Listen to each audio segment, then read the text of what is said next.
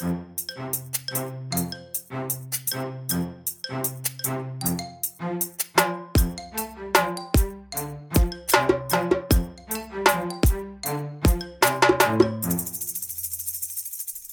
välkommen tillbaka till Stacken tillsammans med mig, Daniel Gustafsson och Kim Hindart. Hubba. Idag, Kim, ska vi prata om någonting som förmodligen många sitter och kliar sig i huvudet om, som man sitter och funderar på. Vi vill använda de här tjänsterna. Vi verkligen vill, av så många orsaker. Och sen säger elaka jurister att det går inte. Ska vi försöka reda ut vad vi ska komma fram till, vad vi tycker i stansen. Vi tänkte prata övergripande, nu ska vi prata lite specifikt om Google Analytics, för alltså alla typ sådana, men vi kan dra egentligen alla sådana här Analytics-tjänster över en kam egentligen, om man ska vara helt uppriktig. Eh, men frågan vi fick gällde just Google Analytics, för den är väldigt populär, och jag förstår varför, för den är väldigt bra. Så då tänkte jag som så här Kim, du får ordet först, och så ska du få reda ut lite vad det är, och var, varför det är en sådär strålande bra idé, och sen ska du få bra, prata om någonting som heter DSK, dataköttskonferens. Go! ja. Nej, alltså Google Analytics, det är ju klart att det är en väldigt populär tjänst. Och jag vill återigen tillägga, det är en gratistjänst, så vi ska prata mer om gratistjänster sen. Men den är fantastiskt bra för folk som har en hemsida och vill se hur deras besökare på hemsidan beter sig och göra en analys på det. För att i slutändan vill man ju få så kallad conversion rate, det vill säga man vill ju få ett besök på ens hemsida att leda till någonting affärsmässigt om man är ett affärsentity. Det är ju ganska naturligt. Mm. Om jag lägger upp och lägger energi på en hemsida så vill jag ju i slutändan att användare på den hemsidan har gjort någonting som gör att vi kan skapa en affärsrelation. Det är fullt naturligt och fullt bra. Och egentligen helt okej okay ur ett marknadsföringsperspektiv. Det är inte så konstigt. En, ens hemsida är ju en marknadsföring oftast. Det är det ju. Sen finns det ju sådana som har rent praktiska tjänster, men det är en annan sak. Men just eh, normalt hemsida som är mycket för just själva marknadsföringen, dens egen annons, mm. så att säga. Ja, och då vill man ju se, göra marknadsanalys och vad man kallar marketing automation. Men här blir ju problemet att det blir väldigt snabbt personuppgifter. Det blir det och vi har pratat om det tidigare, så fort du gör någonting, någonting med en slutanvändare, om det är så bara spela in beteendet, om det är så bara sätta tiden på sessionen du har igång med den. Så fort du gör någonting med en slutanvändare så kommer att sluta i personuppgifter, det är ofrånkomligt, det går mm. inte att komma ifrån. Och nu, jag ska, innan du fortsätter, men jag tänker mm. bara vara lite, jag tänker klappa mig själv lite grann på axeln och lite dig också. Det var nämligen som så här, för många år sedan, vi kallar det för 2017 ungefär, så hade vi en annan podd där vi pratade just om GDPR, som heter just GDPR-podden. Och då sa vi och några andra, lagen kommer att vara lagen så som lagen är skriven, det finns ingen orsak till att tro någonting annat. Nu hör jag, usch och fy och hemskt, lagen blev ju verkligen som lagen skrev, det är ju helt orimligt. Och då vill jag bara påpeka, en lag är en lag är en lag. Köra lite för fort är fortfarande att köra för fort. Det som står i vår GDPR-lag som heter dataskyddsförordningen i Sverige och är samma sak, gäller. Och har man nu trott att det inte skulle gälla för det känns så orimligt, tror jag rätt många börjar känna lite sveda i, i skinnet nu att det faktiskt var rimligt, för det här börjar slås ner på ganska hårt. Jag vill jämföra det här lite grann med fildelning och BitTorrent en gång i tiden. Mm. Ja, men det är ju orimligt att betrakta det här för att det var olagligt för det är så många miljoner som gör det. Mm. Ja, sen att det var bara att eh, de stora mediehusen kan jag helt hålla med om hade den här infernaliska idén om att man skulle inte distribuera saker digitalt utan skulle vara på en tryckt CD-skiva som var enda sättet att distribuera på saker på. Ja, den man skulle gå till affären men... och köpa. Det kan diskuteras. Och vad hände när streamingtjänsterna kom? Ja, all olaglig nedladdning i praktiken försvann. Ja. Men det är fortfarande olagligt även fast många, många miljoner gör det. Mm. Det kan fortfarande vara olagligt även fast jättemassa gör det. Sen mm. kan man diskutera då, ska det vara olagligt? Men det är en helt annan principiell mm. fråga. Men det är en annan fråga. Men i det här fallet så är det ju inte du som äger hemsidan som ska göra det avgörandet. Det är den som faktiskt får surfa in på hemsidan som äger sin integritet. Mm. Så du är inte rätt att kränka någon. Nej. Bara för att de besöker dig, om det är en publikplats. Tyvärr. Attans. Attans. Ja, så. Då har vi då eh, det som kallas Datenschutzkonferens i Tyskland. Har vi sagt för att, vi följer tysken? Ja, det gör vi. Ja. Vad är våra ledord? Ja, Mm. tysken ger bra rekommendationer. Tysken hjälper en faktiskt, så att följ tysken. Mm. Ja. Vad är då Datenschutzkonferens? Jo, det är ett möte, årligt möte, bland alla Data Protection Officers eller dataskyddsombud i hela Tyskland. Och Mm. då tänker man så här, men vänta nu, dataskyddsombud, det är ju en ny företeelse enligt GDPR. Ja, men inte i Tyskland. Nej, de var Den har före. funnits i deras privacy sedan tiderna, sedan lång tid tillbaka. Det är många har år dataskyddsombud funnits Ja. Långt före till och med EU-direktivet har det funnits i datagrundskyddsförordningen i Tyskland. Så att varför kommer grundskyddsförordningen till? Jo, det var för att det fanns någonting som hette Gestapo en gång i tiden i Tyskland. ja. Och tysken var väldigt mån om att det ska aldrig upprepas ett Gestapo i Tyskland. Med åsiktsinsamling och till koncentrationsläger med de som har avvikande åsikt. var någonting tysken ville vara mån om att inte göra. Så det finns en viss intressant historik där som gör Mm. verkligen att nej, det var inte. Men nog om tysken ändå, men de har haft dataskyddsombud länge. Så att Datenschutzkonferens är ett årligt möte där de samlas från alla förbundsstater Mm. och sätter en standard. Den har blivit mer en egen institution nu faktiskt, än en, en konferens. Mm. För de sätter väldigt mycket guidelines. Som de själva säger att såklart EDPB och i slutändan EU-domstolen kan ju justera på deras guidelines om det är så. För de är inte på något sätt lagvinnande, men de är en enormt stark kraft därför att alla skyddsombuden anpassar sig efter dem. Och ja, vet du vad?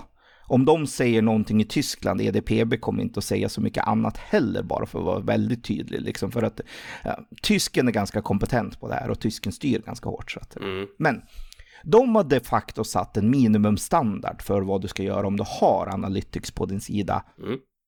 i Tyskland. Mm. Vi kan prata lite om de minimum Analytics.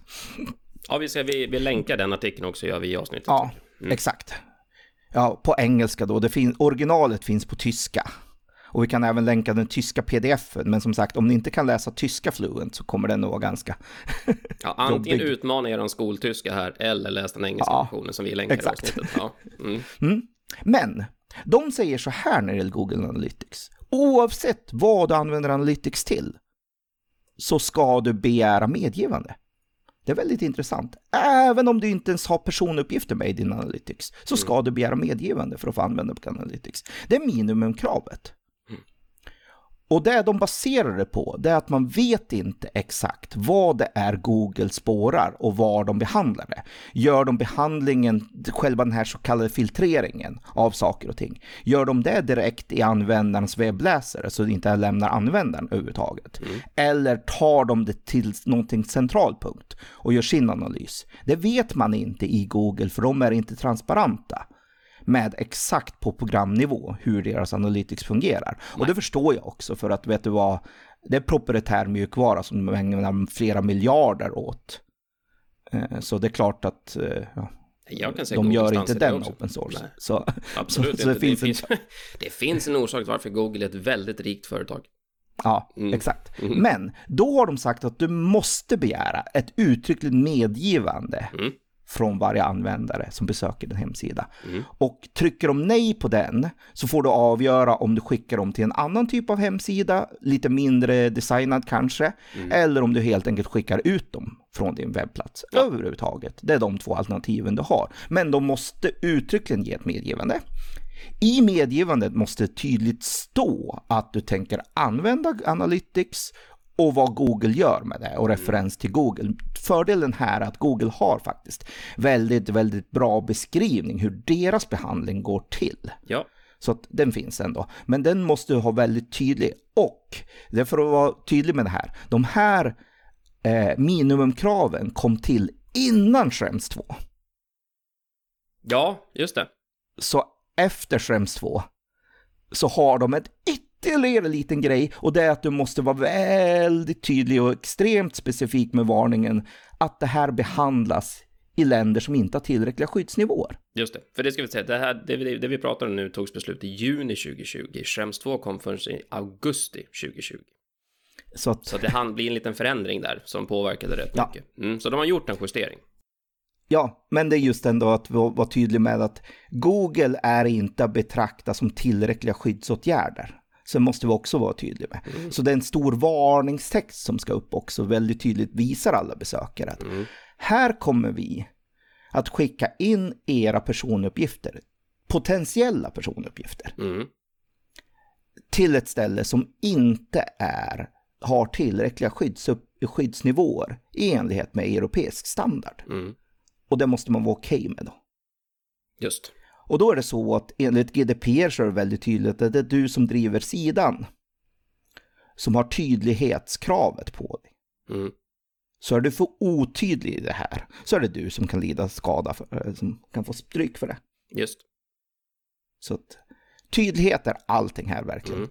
Och medgivandet måste vara aktivt, precis som allt medgivande. Så du får inte använda förecheckade checkboxar. Nej. Och du får inte använda opt-out lösningar som att om du fortsätter surfa på vår hemsida så förutsätter vi att du accepterar det. Det är inte okej. Okay.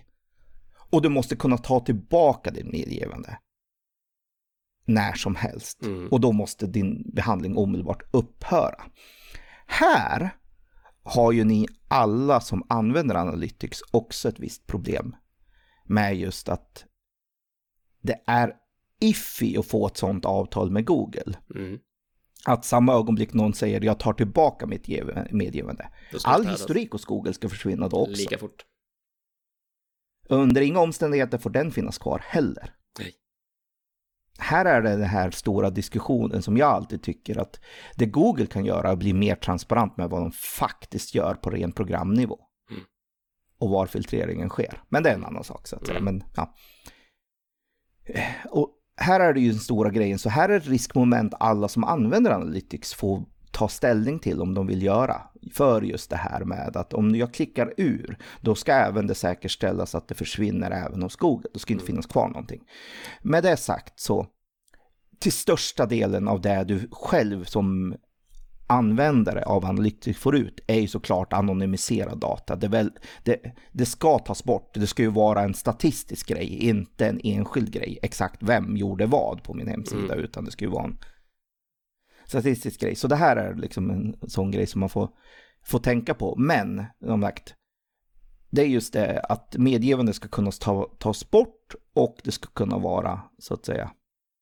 Mm. Ja. Och det är det. Och så att som sagt, medgivandet aktivt får inte vara en opt-out. Och måste vara välinformerat och måste vara liksom tydligt. Och speciellt i synnerhet nu eftersom det här handlar om att man även överför data till saker, eh, till organisationer som inte har tillräcklig skyddsnivå. Ja. Och här kommer ju Schrems-fallet in och förändrade väldigt mycket av den synen på framförallt i det här fallet amerikanska ja. hyperscalers. Så här är vi, men uppfyller man de här grejerna? Och för att vara lite ärlig, var inte så rädd för det här, därför att de här checkboxar om cookie consent och sånt, de som gör det snyggt och helt korrekt, de tappar inte så mycket i alla fall, för de flesta surfar in och säger okej okay då, jag går med på det, för det är verkligheten vi lever i. Ja, den... Känns inte det som det har blivit ganska kutym numera på hemsidan, att det är så det funkar på något sätt? Och jag som går in och surfar, jag har ju, jag har ju ett intresse att vara på sidan förmodligen. Det är inte bara ren ja. random slump att jag hamnar där. Jag har ju förmodligen aktivt sökt mig dit.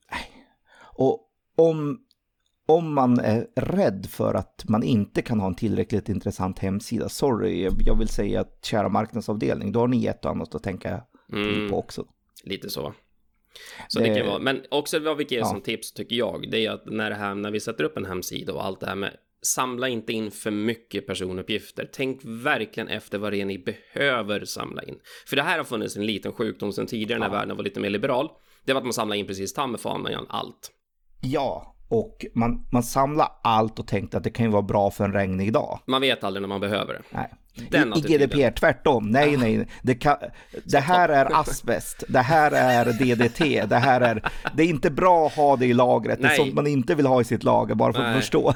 Du vill inte ha, du, du vill inte liksom ha, nej som sagt asbest i tak är dålig idé liksom. Så, Ja. Så. så samla in så lite, eller rättare sagt, de som ni verkligen behöver. Det kan ni säga. Anonymisera så mycket ni kan. Ja, Men såklart aggregerad anonym statistik. By all means, spar hur mycket ni vill. mm, Det är skitbra. Det är inga personuppgifter där. Men se till att anonymisera så fort ni bara kan. Så snabbt ni bara kan. Mm. Som all teknologi tillåter. Här krävs det att ni har lite koll på vad era utvecklare gör. Mm. Och var de sätter den taggen. För att vara Ja. tydlig. Så det är, det är viktigt att ni följer upp.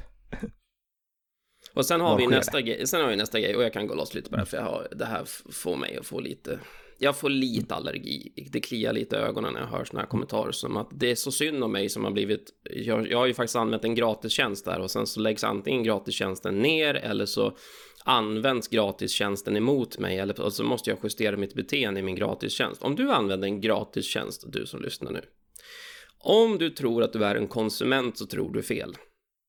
Om du använder en gratistjänst, typ Google Analytics, som inte kostar en krona att använda, inte en enda, då betalar du fortfarande med någonting annat. Det vill säga att du som individ blir en del av produkten.